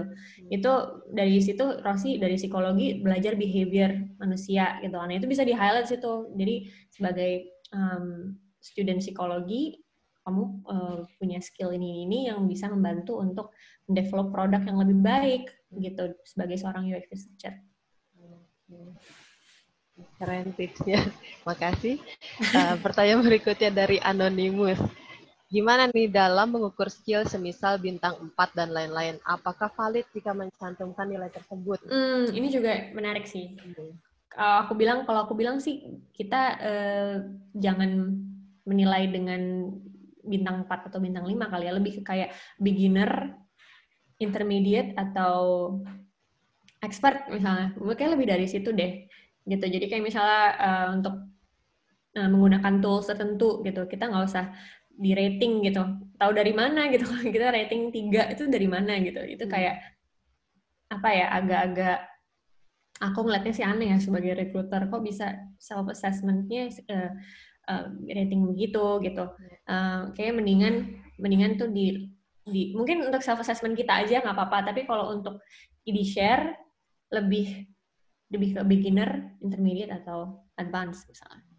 Jadi lebih ke penjelasan itu lebih uh, mudah dimengerti dibanding mudah kayak dimengerti. balkon kayak kayak bal balok gitu uh, hijau ke merah gitu atau bintang yeah. dari satu mm. ke lima itu kayaknya agak susah gitu ya buat dimengerti. Iya ya, juga kurang mendeskripsikan gitu ya. Mm -hmm. Oke. Okay. Nah, kemudian ada Denny Oktarian nih. Gimana cara melampirkan UX case study kalau berkas lamaran yang dikirim berupa hard copy? Apakah cukup linknya aja atau juga harus dilampirkan dalam bentuk cetaknya? Um, oh ada ya. Sekarang masih ada yang berupa hard copy ya. Kayaknya um, sekarang tuh sebagian besar karena semuanya itu dikirim lewat email digital jadi kayaknya nggak perlu ya hard copy. Hmm. Kalau itu zaman dulu banget zaman aku nge kerja sebagai graphic designer 10 tahun yang lalu aku ngirimnya pakai CD gitu. Pakai CD di print terus di CD-nya tuh di uh, apa namanya? dibikin packagingnya gitu. Dulu sih masih kayak gitu. Kalau sekarang sih kayaknya enggak ya. Semuanya udah serba digital gitu. Berarti cukup kalau ada link, link atau PDF hmm. gitu ya. Betul. Semoga terjawab ya. Buat Zahra nih, Zahra nanya setelah testing bukti produk kita udah bagus itu gimana sih kak? Terus ya yang pertama dulu mungkin ya. Setelah testing hmm. bukti produk kita udah bagus itu gimana sih kak? Mm -hmm. semua ya banyak nih bang perlu redesign eh, kalau gimana atau tahap-tahap user testing yang efektif dan efisien itu gimana? Iya iya. Kan kalau gitu kalau usability testing uh, tahu udah bagus atau gimana kita sebenarnya uh, lebih ke kayak bukan um, bagus tuh apa sih? Hmm. kan kita nggak tahu ya apa sih bagus? Mungkin kayak tujuan kita sebenarnya kalau untuk usability test itu lebih ke kayak apakah produk ini udah mudah digunakan atau belum? Apakah ini sudah tepat guna atau belum? Di situ ada ada cara untuk menghitung ada matriksnya juga di situ. Jadi kalau kita ngomongin ngomongin usability test matriksnya itu adalah ease of use. Misalnya dari kayak berapa lama waktu yang digunakan di, jadi kamu mulai ngetes prototipe yang pertama itu misalnya orang butuh waktu um, dua menit gitu untuk untuk um, menyelesaikan misalnya untuk bayar gitu dari awal nggak dua menit kecepatan misalnya 10 menit gitu untuk misalnya mau beli sesuatu online um, e-commerce sampai bayar misalnya 10 menit gitu. Terus di prototipe yang kedua, oh ternyata lima menit gitu. Berarti prototipe kedua lebih lebih baik karena itu lebih cepat gitu. Orang bisa lebih mudah gitu. Jadi itu yang yang sebenarnya uh, patokannya bukan bagus atau enggaknya tapi ease of use. Seberapa mudah itu digunakan. Gitu. Jadi biasanya untuk testing kita um, kan kalau user testing itu dari lima orang aja ya, lima, lima peserta doang. Tapi sebaiknya untuk supaya kita tahu udah menemukan sebagian besar permasalahannya, karena kalau dari usability testing yang pertama dengan lima orang itu kita sudah menemukan 80% permasalahan di website atau di aplikasi. Kemudian saat dites lagi, oh ternyata permasalahan yang belum ditemukan 20% sisanya itu ditemukan di tes yang berikutnya. Gitu dan ada permasalahan lain misalnya jadi butuh iteration atau iterasi sampai tiga kali dengan 15 user. Gitu. Jadi itu prosesnya seperti itu dan tadi balik lagi bukan bagus atau enggaknya tapi seberapa mudah digunakan atau enggak.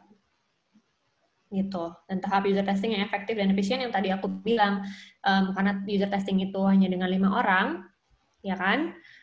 Um, itu perlu dites berulang-ulang sampai tiga kali misalnya sampai kita menemukan semua permasalahannya dan kita udah cukup percaya diri kalau hasil yang udah kita redesign itu dari setelah user testing yang pertama kita temukan permasalahannya kita redesign user testing yang kedua permasalahannya temukan lagi kita redesign itu sampai tiga kali baru itu kita udah oke okay, coba kita launch gitu. Hmm. Tapi ini juga menarik sih. Apa kalau kalaupun misalnya produknya pun sudah selesai, itu masih perlu di masih UX, perlu di terus di testing iya. terus gitu ya oke okay. masih masih eh, itu kayak product development cycle kan prosesnya nggak cuma berhenti sampai saat selesai sampai gitu aja itu setelah di launch kan kita A/B test lagi ya. setelah kita A/B test kita lihat oh ternyata um, dibandingkan hasil yang sebelumnya ternyata ada bounce rate nih kenapa orang di page ini pada pada cabut gitu, nggak nggak melanjutkan uh, nggak melanjutkan prosesnya gitu. Kenapa seperti itu? Nah itu yang perlu diinvestigasi lebih lanjut. Jadi itu mm, prosesnya tidak pernah nggak ya tidak pernah berakhir. Selalu harus dioptimize, optimize terus. Oh, oh biasa. Jawabannya, um, ya mudah-mudahan ini menjawab ya buat Zahra. Terus selanjutnya uh, pertanyaan dari Nino Firms. Halo, kalau kalau untuk UI portofolio sendiri based on design thinking, baiknya kita mulai dari tahap apa ya? Ideasi kah atau langsung prototype? Thank you. Kalau untuk UI portfolio sendiri based on design thinking, itu dia kan uh, kalau misalnya tadi aku bilang si SKSD ini balik lagi solving problem atau tidak, ya kan? solving kamu menjelaskan cara proses, proses kamu solving problem atau enggak di situ. Hmm. Kan kalau design thinking kita ngomongin solving problem kan. Jadi tetap harus mulai dari what is the problem? Masalahnya apa? Jadi kalau langsung ke ideation dan langsung prototype itu justru malah melewatkan si proses yang salah satu proses yang terpenting which is uh, what is the problem gitu. Masalahnya apa gitu. Jadi kalau misalnya untuk menceritakan storytelling problem solving, uh, storytelling dalam uh, eh, UX portfolio, UI UX portfolio, meskipun kamu fokus di UI, tetap mulai dari problem gitu. Jadi kebanyakan kan kita kayak pengen bikin ini karena jelek desainnya, pengen dibikin lebih bagus. Tapi apakah apa sih problemnya sebenarnya gitu? Itu yang sebenarnya untuk recruiter mereka pengen tahu orang ini bisa nggak sih solving problem atau cuman mau show uh, mau ngasih lihat desainnya bagus aja gitu. Desain yang bagus penting juga, tapi solving problem atau enggak gitu. Gitu. Jadi saran aku mulai dari si problem, problem definition, um, understanding the problem, kemudian baru ke ideation dan prototype. Oke. Berarti memang uh, kalau misalnya untuk menjelaskan sesuatu itu bukan cuma produknya aja, tapi prosesnya juga Proses. gitu ya. Mungkin karena memang orang-orang yang bekerja itu kebanyakan mereka memang disuruh dibuat produk aja gitu dulu, bukan uh, memikirkan gimana awalnya atau kalau punya ide gitu, hanya perusahaan pengen bikin uh, software uh, buat ngedelivery makanan gitu kayak yeah. Lieferando di Berlin. Yeah. Itu ide pertamanya gitu. Mungkin uh, gimana cara untuk memahami perusahaan ini, yeah. Ya. uh, cara berpikirnya itu juga mungkin penting ya. diketahui buat yeah. bikin portofolio kita juga gitu ke depannya. Mm-mm, mungkin bisa dicari tahu apa sih sebenarnya kalau kenapa di Berlin tuh banyak banyak uh, orang yang butuh um, delivery food delivery. Kenapa? Karena mungkin mereka nggak ada waktu, mungkin mereka malas masak atau mungkin um, apa gitu. Sebenarnya mereka butuh sesuatu yang yang cepat aja gitu. Itu apa sih problemnya sebenarnya? Makanya desain kamu di saat masuk ke situ jadi solving problem. Gitu. Gimana cara kita menceritakan story itu gitu. Sampai recruiter tuh ngerti oh iya ternyata ada problemnya ya yang desainer ini coba untuk solve. Gitu. Oke, ya sebelum ke pertanyaan berikutnya, buat teman-teman nih boleh sharing di sosial medianya masing-masing kalau kita lagi ngadain webinar. Yeah. Siapa tahu nih kalian punya ide-ide lagi yang lebih baru, yang mungkin juga pengen lagi nih Kaluki uh, sebagai narasumber kita, tapi dengan tema lain di bidang UI dan UX researcher kalian juga bisa gitu di sosial media kalian mm -hmm. tulis dan juga uh, tag uh, eh, PPI ya uh, Instagram PPI atau kita juga punya uh, Facebook ya. Mm -hmm. Oke, okay, ya, kita boleh. lanjut ke pertanyaan berikutnya. Uh, dari kamu, oke okay, dari kamu, apa challenge dari fresh graduate ketika melamar dalam bidang UX? Challenge-nya. Mm -hmm. Challenge-nya itu adalah, ini aku baru bahas juga tadi um, ke teman-teman PPI, ada yang namanya chicken and egg dilema. Chicken and egg dilema itu maksudnya uh, telur duluan apa ayam duluan? itu jadi kayak uh, dilemanya sekarang adalah saat orang-orang melamar kerja itu sebagai junior pun udah di expect kayaknya bisa untuk segala macam gitu. Padahal junior itu nggak di expect untuk bisa segala macam kan. Mm-hmm. dan um, kadang perusahaan itu prefer orang yang udah butuh experience. Eh udah udah pengen apa orang um, perusahaan itu butuh orang yang udah punya experience tapi mereka tidak memberikan kesempatan untuk orang yang belum punya experience untuk punya experience gitu. Hmm. nanti nggak? Jadi itu sebenarnya uh, tantangannya. Jadi kalian akan banyak bersaing makanya um, menurut aku coba banyakin pet project, banyakin project-project sampingan, bikin eh, volunteer experience, ikut-ikut online course, misalnya perdalam ilmunya gitu, cari tahu banyak uh, banyak uh, follow up uh, update dengan info-info terkini gitu soal UI UX misalnya atau soal bidang-bidang lain. Itu um, mesti mesti seperti itu baca buku, dengerin podcast itu banyak yang yang sebenarnya misal kalian belum punya pengalaman ya, misal kalian belum punya pengalaman tapi kalian mindsetnya tuh udah di situ gitu. Cara gimana punya mindset itu adalah kalian baca buku, kalian dengerin podcast, baca artikel gitu. Jadi kalau ditanya misal kalian di interview ditanya, oh dia ternyata udah banyak tahu, dia banyak baca, dia ikut komunitas ini, dia dia baca um, buku ini gitu oh dia dengerin podcast ini berarti dia beneran pengen banget nih passionate banget di bidangnya. Jadi itu bisa jadi salah satu nilai jual yang tinggi. Dan juga untuk bikin portfolio tadi yang aku bilang lagi formula itu SKSD itu dan CV CV ini. Makanya CV ini gimana cara kita bisa self advocate uh, dengan uh, yang stand out gitu kan. Gitu. Ya Berarti apa pun segak punya nggak punya skill pun kita tetap masih bisa lihat di mana sih uh, kekuatannya kita gitu ya. Yeah, Dan itu mindset. bisa didongkrek gitu mindsetnya. Mindsetnya gitu. harus ada. Hmm. Meskipun belum ada experience, coba uh, cari mentor, cari orang yang udah jauh lebih pengalaman. Kayak aku misalnya, aku juga punya beberapa orang nama-nama orang yang aku look up to dan aku beneran dengerin mereka oh jadi sekarang topiknya yang lagi dibahas di dunia UX tuh ini loh soal ini. Oh dia jadi kayak punya thought leaders ada yang thought leaders orang-orang yang yang expert di bidangnya kalian ikutin. Kalian beli bukunya kalian baca. Dari situ mindsetnya tuh akan ada akan tumbuh gitu. Jadi di saat kita masuk ke dunia kerja kita udah lebih siap Hmm, berarti penting banget kalau untuk ngembangin diri tuh jangan pernah berhenti gitu. Meskipun kita ngerasa sekarang aku tetap nggak punya apa-apa, tetap baca tuh harus wajib gitu nyari networking juga ya.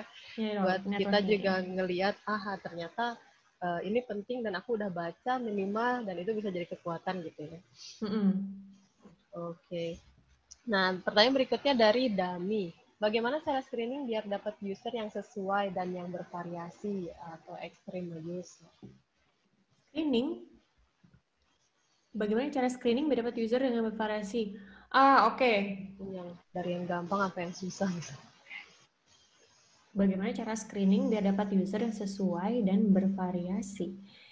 Uh, ini mungkin ngomongin ini ya, recruiting. Jadi kalau misalnya kita melakukan user research, kita tuh merekrut merekrut uh, target group kita, gitu. Jadi um, itu sebenarnya tergantung. Jadi kalau misalnya kita ngomongin kita mau bikin research, oke okay, anggap aja paling gampang kita mau usability test. Usability test dari tadi ya, um, apa Rosi bilang uh, delivery, food delivery. Ya. Nah terus kita mau mau apa sih yang goalnya apa sih yang mau kita dap cari tahu dari research ini? Contohnya apa nih misalnya? Um, kayak sekarang di dalam zaman corona gini misalnya, uh, apakah orang tuh cenderung cenderung lebih prefer beli makanan um, food delivery atau lebih masak di rumah misalnya kayak gitu. Jadi kita kita cari tahu orang-orang yang um, user uh, user kita yang benar-benar um, apa sih power user yang udah sering menggunakan produk kita gitu. Jadi uh, apakah mereka mereka tetap tetap menggunakan food delivery atau mereka sekarang cenderung ganti jadi masak gitu karena kan uh, misalnya lagi lockdown gitu orang uh, apakah percaya sama makanan yang di yang dimasak sama orang lain kayak gitu gitu kan uh, mungkin jadi faktor higienisnya atau gimana nah seperti kayak gitu bisa dicari tahu dari research kita fokusnya ke power user orang yang uh, menggunakan produk kita secara yang udah sering gitu hmm. jadi orang yang jarang mungkin jadi jadi nggak nggak terlalu nggak terlalu penting buat kita di saat itu. Jadi mungkin dari situ kita tentuin goalnya dulu, baru usernya kita sesuaikan dengan si goal tersebut gitu. Jadi kayaknya um, fokusnya bukan bukan dapat yang bervariasi, tapi lebih ke dapat user yang sesuai itu. Jadi dari situ kita bikin pertanyaan-pertanyaan dari screener survei. Kita bikin survei Misalnya um, seberapa sering seberapa sering kamu menggunakan food uh, delivery food delivery itu misalnya uh, frekuensinya seminggu sekali, seminggu tiga kali, seminggu empat kali. Nah dari situ kita bisa ngefilter orang yang frekuensinya sering yang kita ambil untuk user testing kita.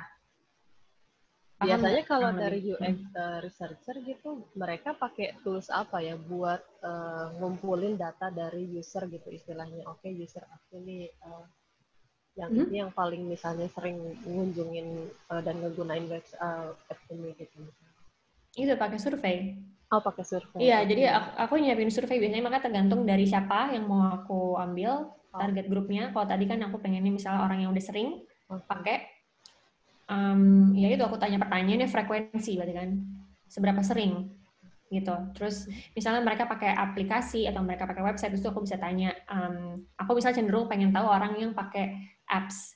Berarti aku tanya, uh, aplikasi apa yang biasa kamu pakai untuk um, food delivery? Apakah biasanya pakai website atau pakai apps? Nah, di situ aku jadi jadi uh, orang jawab pertanyaan itu kan ada hasilnya tuh keluar ya. Aku filter aja orang-orang yang aku aku pengen ambil gitu. Nah, kalau misalnya ini juga agak menarik sih. Aku punya pertanyaan sendiri tapi juga yeah. masih berhubungan kalau misalnya kita pakai uh, user experience ini tuh hmm, kalian pakai metodenya apa ya apakah uh, kayak misalnya aku belajar uh, metode kuantitatif sama kualitatif gitu nah kuantitatif biasanya kita harus pakai software tertentu buat bikin diagram gitu oke ini tendensinya ke mana dan uh, buat dipresentasiin juga ke product owner atau ke yang lainnya gitu nah kalau misalnya uh, di perusahaannya Lucky mereka hmm. pakainya gimana ya buat buat uh, nganalisa datanya gitu? Kuantitatif ya. Kalau kuantitatif biasanya kan ada toolsnya pakai Hotjar misalnya. Um, Hotjar bisa dalam bentuk heat map tadi kan. Kita bisa lihat uh, heat map yang tadi itu yang aku kasih lihat ada yang hijau-hijau kuning terus yang kalau paling sering dilihat yang merah itu. Hmm. Heat map itu bisa satu jadi salah satu analisa. Um, kemudian dari ini sih dari tadi KPI tadi uh, progression rate, conversion rate dari Google Analytics kan kita juga kelihatan ya dan tapi kita nggak pakai Google Analytics lagi sih kita udah pakai tool lain mix panel kita pakai sempat pakai mix panel terus uh, sekarang kayak ganti deh. Aku juga kurang paham kalau kuantitatif kan aku kan fokusnya di kualitatif ya. Okay. Um, terus kalau untuk um, NPS, NPS juga salah satu uh, hasil dari survei yang dikirim ke ke semua orang uh, ke satu organisasi. Jadi setiap bulan kita jadi tahu uh, state of our customers happiness gitu. Uh, dari NPS itu yang uh, dari 1 sampai 10 itu loh yang seberapa seberapa seberapa mau si customer itu um, menggunakan Flixbus lagi ke depannya, terus gimana um, um, mereka pakai uh, experience di website, gimana experience mereka saat traveling itu kan kelihatan dari situ ya um, hasilnya gitu. Menarik, makasih jawabannya. Uh, ada pertanyaan berikutnya dari Alif. How we choose the right topic for our case study? Apakah harus terkait apps yang terkenal atau harus mengambil problem yang viral? Mm -hmm. Oke, kalau uh, aku saran buat orang yang baru masuk ke dunia UX itu untuk memilih problem itu bisa dimulai dari dari sesuatu yang kalian suka. Misalnya kalian suka pakai apa gitu. Kalau misalnya uh, bisa suka pakai aplikasi apa gitu. Misalnya um, misalnya paling suka naik bis nih di Indonesia. Aku kan gue sempat ke Indonesia research tentang bis juga dan bis-bis itu di Indonesia banyak banget dan tapi aplikasi itu jelek-jelek banget gitu. Kamu sebagai kamu sebagai orang yang suka naik bis, kok aplikasinya jelek nih gitu. Aplikasinya bukan jelek ya, user experience-nya sangat tidak intuitif gitu, sangat sangat sulit dipakai gitu. Dan kebanyakan kan makanya mungkin karena orang di Indonesia masih belum siap untuk digitalisasi. Jadi lebih kayak mungkin belinya tuh online-nya tuh di uh, di Traveloka atau platform-platform traveling gitu. Tapi untuk uh, website bisnya tuh masih masih nggak bagus gitu user experience-nya. Mungkin dari situ dari situ teman-teman mulai terus um, memilih pokoknya problem yang ada di sekitar kita dulu yang kita sukain. Mungkin teman kalian juga ada masalah misalnya mau order makanan online di GoFood atau gimana tuh ada masalah coba oh kenapa? Apa masalahnya? Cari tahu di situ gitu. Dan divalidasi de dengan orang-orang lain gak cuma dari satu orang itu aja. Misalnya uh, aku yang ada masalah sama naik bis di Indonesia booking bis apakah itu di, dialami oleh orang lain juga? Gitu. Jadi itu ditanyain juga ke orang lain. Gimana sih mereka mau booking bis itu seperti apa? Coba dikasih lihat aplikasinya. Nih aplikasi ini coba deh booking bis. Terus bener nggak mereka kesulitan? Apakah kamu aja? Gitu. Atau mungkin ada dari dari uh, kamu tanya ke orang lain kamu jadi tahu masalah-masalah lain yang kamu tuh nggak lihat. Gitu. Semoga okay. terjawab. Ya jadi inget juga pas kemarin terakhir pulang ke Bandung gitu, tiba-tiba harus naik angkot kan, nggak ada motor gitu. Nah ini juga bingung gitu, karena ngelihat misalnya di Google Maps gitu nggak ada uh, kayak di Berlin gitu, misalnya dari A ke B itu pasti ada uh, tulisannya gitu, misalnya uh, pertama kali jalan kaki, jalan kaki terus ambil bis ini, kemudian hmm. naik uh, underground ini, ah, terus ah, iya, nanti iya. naik bis Nah pas kemarin di Bandung tuh kayak bingung gitu kalau dari A ke B ini gimana ya? Iya, Jadinya nanya-nanya ke orang ini kayaknya bener, juga bener. buat bisnis uh, hmm. app juga lumayan idenya. Wah itu keren banget sih transportasi ya di Indonesia iya, masih agak chaos gitu. Jadi itu bisa jadi project yang keren juga tuh. Iya. Oke kita tanyakan ke kita ya, tapi ini pertanyaan. pertanyaannya masih banyak banget. Masih kita banyak, mau okay. mau dijawab semuanya apa gimana? Iya ya. Kita coba mungkin ditanya ke. Okay. Anak acara mau sampai berapa lama ini dijawab? Uh, kayaknya kalau dari waktunya sih sebenarnya kita udah nggak banyak ya. Mm-mm. Mungkin dibatasin berapa pertanyaan lagi kali ya sih? Ya sampai waktunya habis aja kayaknya kita bakalan okay. uh, terus jawab pertanyaannya ya. Okay. Uh, so pertanyaan berikutnya ini dari Dami. Bagaimana? Eh udah ya. Dari Zen Fani Parulian. Selamat malam kalau Ki ada rekomendasi buku buat belajar UX lebih dalam nih. Wah pas banget pertanyaannya. Uh, aku ada di Instagram aku di ux.lucky bisa dibaca eh bisa dilihat aku bikin um, konten tentang buku apa aja yang bisa kalian baca jadi bisa dicek di situ. Oke. Bisa ya dicek di Instagram ya. Di Instagram uh, ux at ux.lucky. Oke, Oke, buat yang lainnya juga silahkan dipantengin Instagramnya kalau kini buat belajar banyak. Kemudian ada si Anonymous like. Halo Anonymous, apakah lebih baik highlight experience di non-company, startup uh -huh. buatan sendiri, research, hmm. atau highlight skill saja kalau Wah, ini kalau udah punya punya startup buatan sendiri keren banget dong. Berarti uh, itu penting sih dimasukin sebagai experience gitu. Um, meskipun aku aku juga pernah ada pengalaman sebenarnya bikin startup sendiri tapi nggak aku masukin sih. Um, karena itu side job gitu. Um, takutnya kesannya nggak nggak enak aja. Jadi kita udah punya kerjaan tetap tapi masih kerjain kerjaan lain, punya startup lain kan itu kesannya gimana gitu ya. Tapi aku emang waktu itu bikin startup iseng-iseng aja sih, nggak yang niat. Mungkin bisa dilihat kamu di sini startupnya uh, gimana? Apakah punya kerjaan lain sambil bikin startup atau startup doang gitu? Kalau misalnya startup doang, itu masukin aja sih, gitu. Oke, berarti sebenarnya ini pede-pede aja ya, harusnya ditulis aja gitu. Iya. Udah kita lakuin. Uh, Oke, Pak. Kita bakalan masih ngajuin dua atau tiga pertanyaan terakhir nih mm-hmm. dari Zahra. Buat riset butuh berapa orang? Tadi udah dijawab ya. Ya terus harus doing ya itu juga udah dijawab. Untuk yang berikutnya anonimus untuk case tadi alangkah baiknya berdasarkan problem dulu atau nanti seiring waktu after interview persona akan terlihat sendirinya problemnya. Baiknya berdasarkan problem dulu atau nanti seiring waktu after interview tentunya dari problem dulu. Kita uh, selalu tetap mulai segala sesuatu tuh harus kita harus tahu apa sih problemnya gitu. Uh, contohnya gimana ya? Hmm, Oke, okay. uh, aku ada contoh tapi nanti nggak terlalu relatable sama orang di Indonesia. Mungkin kurang pakai website sini ya. Apa ya website di anggap aja deh website bis gitu kan tadi yang aku bilang deh yang gampang. Um, problemnya itu dari kita dulu kan tadi aku bilang misalnya dari pakai pakai website itu susah dipakainya gitu itu kan problem. Udah ada problemnya nih. Terus nanti di interview orang-orang lain pakai persona itu nanti problem lain akan kelihatan gitu. Tapi tetap harus dari satu problem dulu yang menurut kita ini bermasalah. Gitu. Ya. Ya. Jadi udah udah caranya tuh udah benar mulai dari problem, seiring waktu, interview orang-orang lain sesuai dengan uh, problem itu, mereka di, diajak untuk pakai si website-nya juga, terus baru deh nanti kelihatan problem-problem lain. Ya, pertanyaan berikutnya dari Ilham, mau nanya apakah sebagai UX designer yang ingin melamar di sebuah perusahaan adalah sebuah mandatory untuk memiliki educational mm -hmm. background tertentu? Hmm, enggak.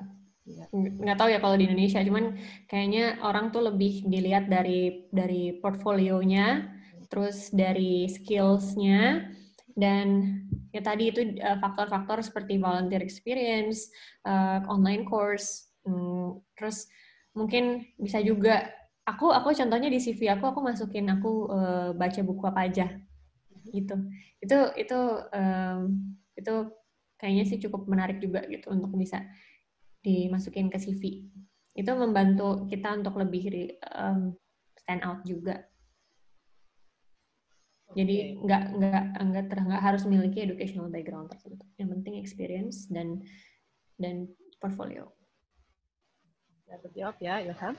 Um, Oke, ini juga udah ya untuk portfolio sebaiknya formatnya bagaimana dan dalam bentuk apa sudah terjawab. terjawab. Cynthia, mau bertanya tentang kalau misal kita belum punya pengalaman, berapa persen kita bakalan dilirik rekrutmen jika isi loker yang sudah punya pengalaman? Jika isi loker yang sudah punya. Dibandingkan gitu ya sama yang sudah punya pengalaman. Berapa persen kita berapa persen? Aku nggak tahu berapa persen. Iya, agak susah ya dijawab. Mau bertanya tentang kalau kita berpikir, hmm, okay. uh, itu nggak nggak nggak ada jawaban yang fixnya sih berapa persen karena um, tergantung segala faktor itu itu tergantung kalau belum punya pengalaman tapi kamu lebih stand out misalnya project-project volunteer project yang keren-keren misalnya ini misalnya contohnya ini di Tech for Germany eh, yang aku sekarang jadi mentor itu student-student di situ juga eh, orang-orang di situ juga nggak terlalu banyak punya pengalaman ada yang baru jadi graphic designer eh, ada yang baru magang-magang um, gitu tapi belum punya pengalaman profesional bisa masuk um, Tech for Germany itu salah satu yang cukup prestisius gitu. Jadi ikut volunteer program yang mungkin mungkin um, bisa bisa upgrade experience kamu atau upgrade uh, uh, skills kamu itu akan akan lebih lebih baik gitu. Jadi kalau misalnya nggak punya pengalaman, jangan berkecil hati. Tetap tadi yang aku bilang perdalam skills, ya ikutin um, volunteer program, terus juga baca-baca buku, updating yourself, like reading articles, uh, follow the thought leaders, gitu. Jadi ya Oke, makasih buat semua jawabannya dan juga makasih yang udah bertanya nih. Uh, pertanyaan menarik-menarik banget.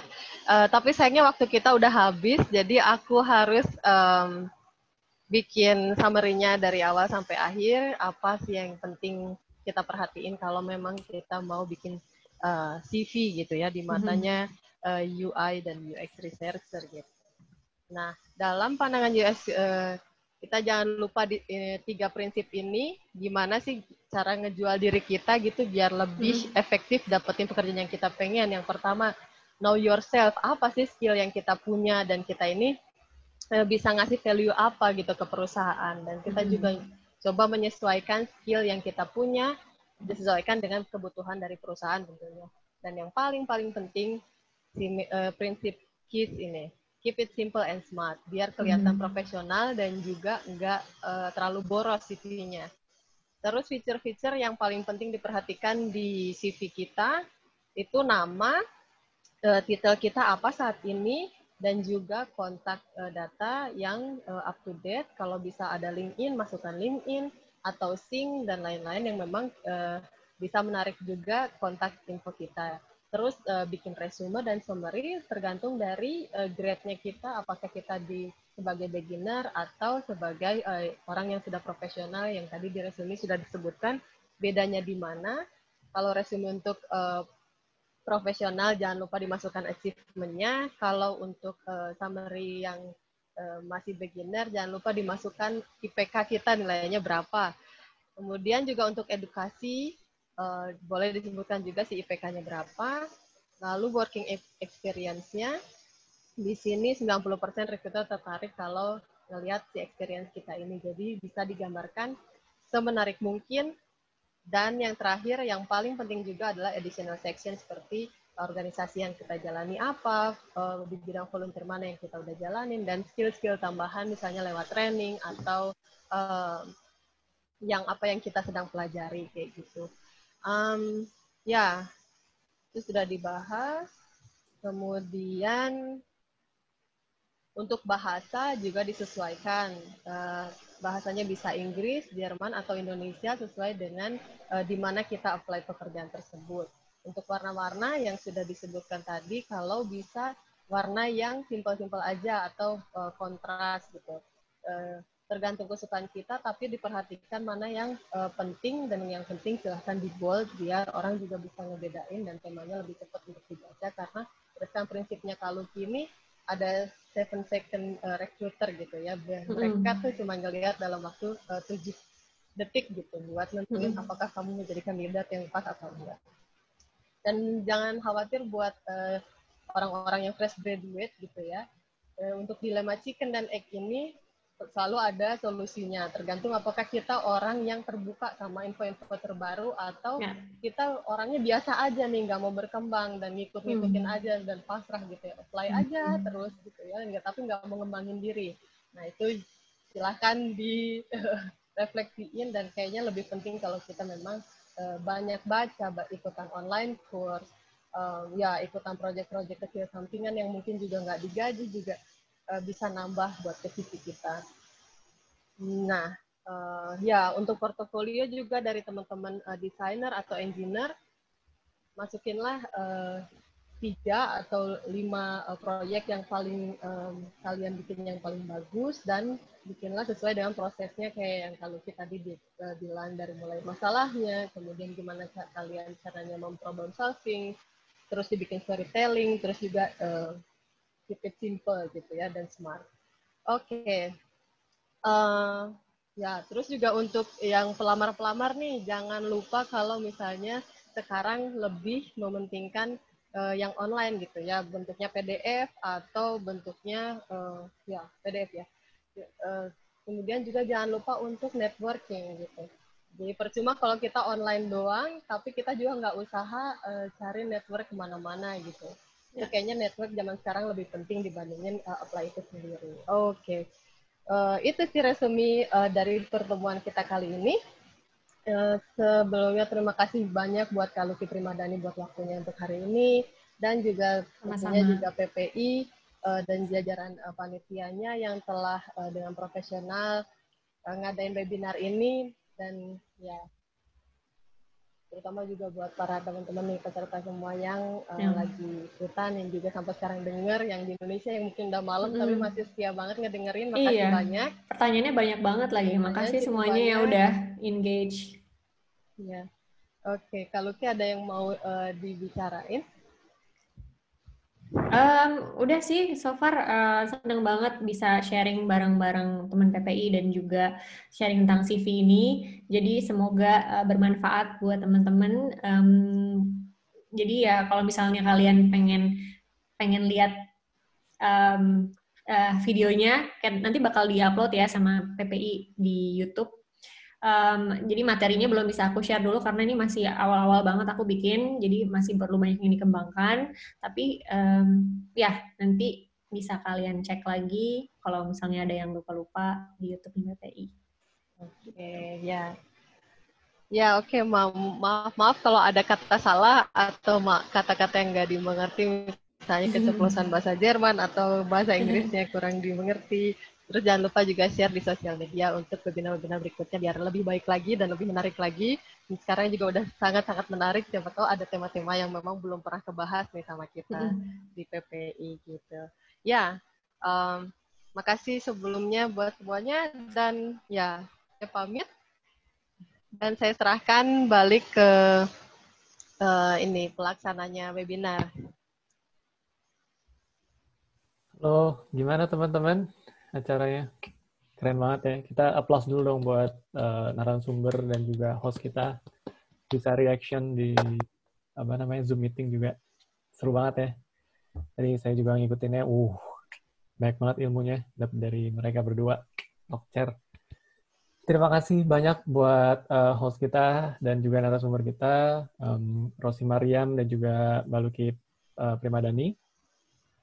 Um, sebelum kita tutup acara ini, uh, kita pengen juga uh, feedback dari teman-teman nih, karena kan kita ngadain ini juga setiap bulan ada, jadi kita pengennya setiap hari atau setiap kali event ini selalu lebih baik dari sebelumnya.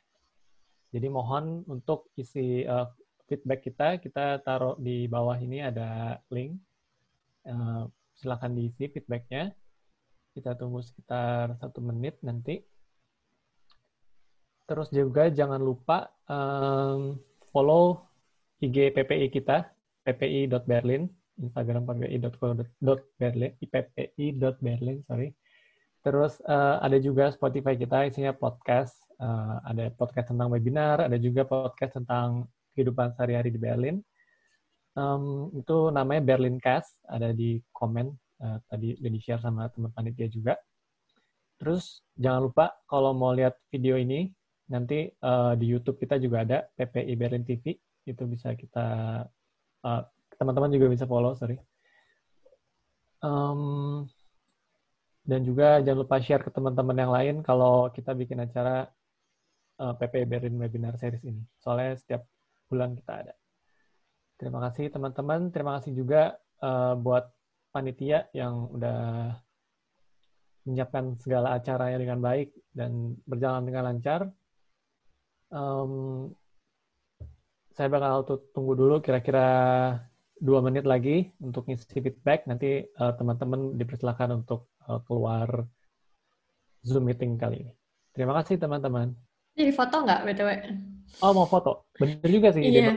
Teman-teman boleh nyalain ininya kali. Uh, Kameranya. Kita foto bareng-bareng ya. Top share dulu kali Kal. Uh, gue coba apa namanya uh, foto. Wah, senangnya melihat wajah-wajah ini. Mumpung rame sih, benar-benar. Banyak banget sih. Sekitar oh, ada, halaman ini. ada ada empat halaman. Nanti uh, aku bakal satu ya. Mbak, uh, sharekin empat kali kira-kira. Siapa yang mau foto nih? Aku aja, aku aja yang fotoin. Oke. Okay. Bentar ya. Udah siap belum? Satu. Ini baru slide satu dulu ya. Ada empat slide. Jadi kira-kira mesti tahan giginya sampai empat kali. Satu, dua, tiga. Oke. Bentar ya. Ini baru satu. Masih tahan giginya. Tahan dulu giginya.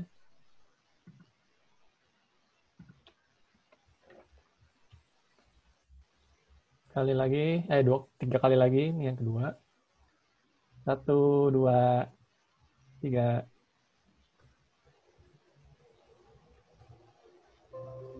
Oke, ini yang kedua.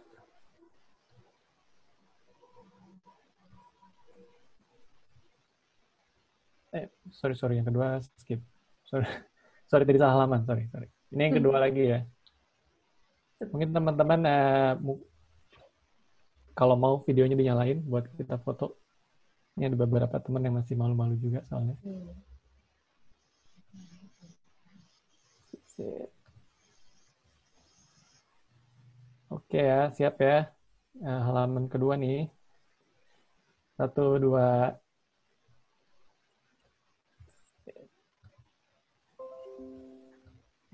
Thank you.